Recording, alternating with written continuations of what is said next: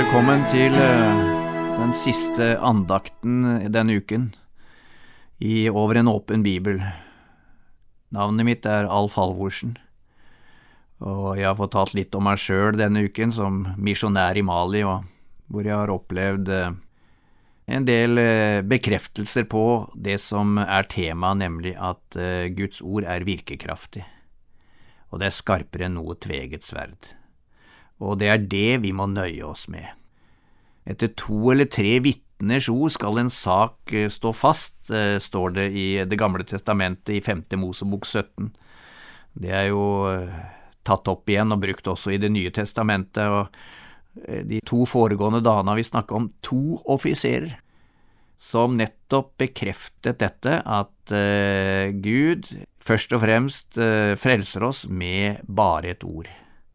Og noe av poenget, troens eh, store utfordring, er å nøye seg med bare et ord, sånn som han sa denne offiseren som vi ikke vet navn på, men som var offiser i Kapernaum, og som eh, viste sin tro til Jesus bare ved, ved, nettopp å si det, si bare et ord. Jeg trenger ikke noe mer, jeg trenger ikke noen synlig manifestasjon, eh, det holder med et ord.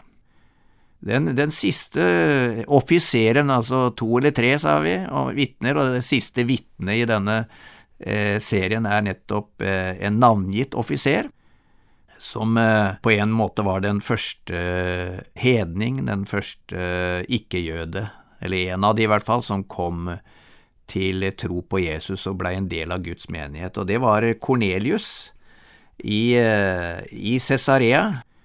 Han var altså et befal, og han var eh, offiser ved den italienske bataljon. Det var altså 600 italienere i den eh, flokken som han eh, befalte.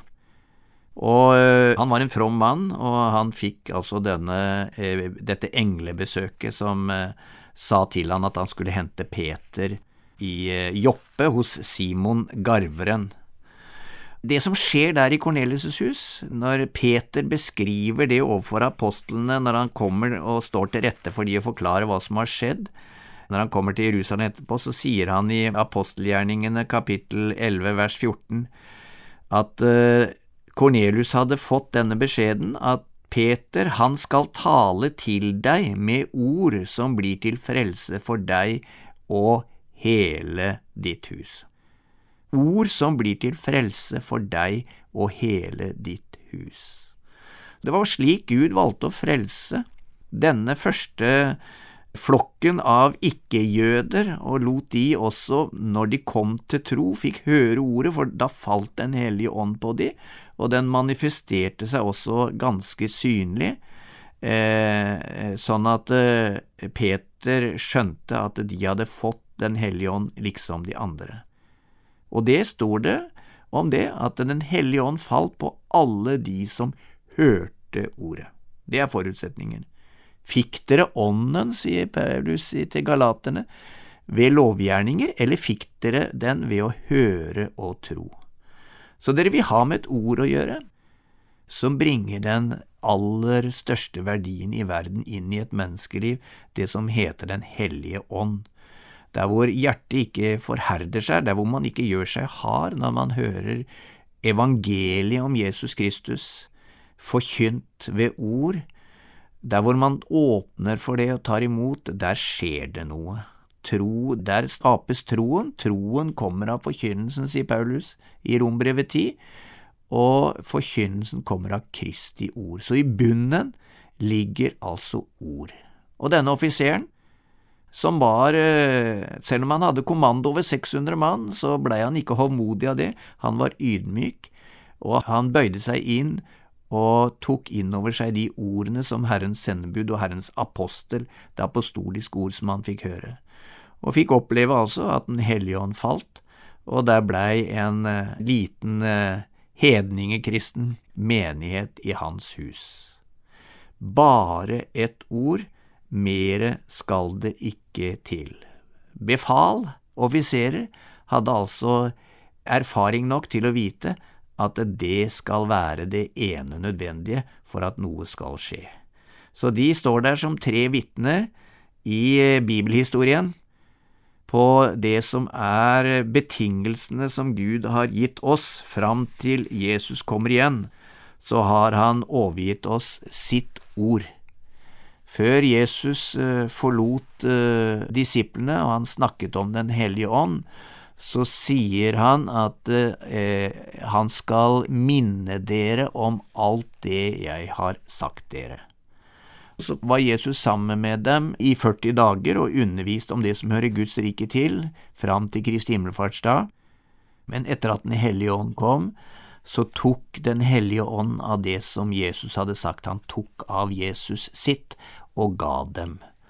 Og så er de eh, apostlene nedfelt i Det nye testamentet, det autoritative, som autoritative vitner, det som Jesus ønsker å formidle til frelse for alle de som hører og tror, sånn som eh, Timoteus får høre i første Timoteus brev kapittel 4 vers 16, Gi akt på deg selv og på læren, fortsett med det, for gjør du det, skal du frelse både deg selv og dem som hører deg.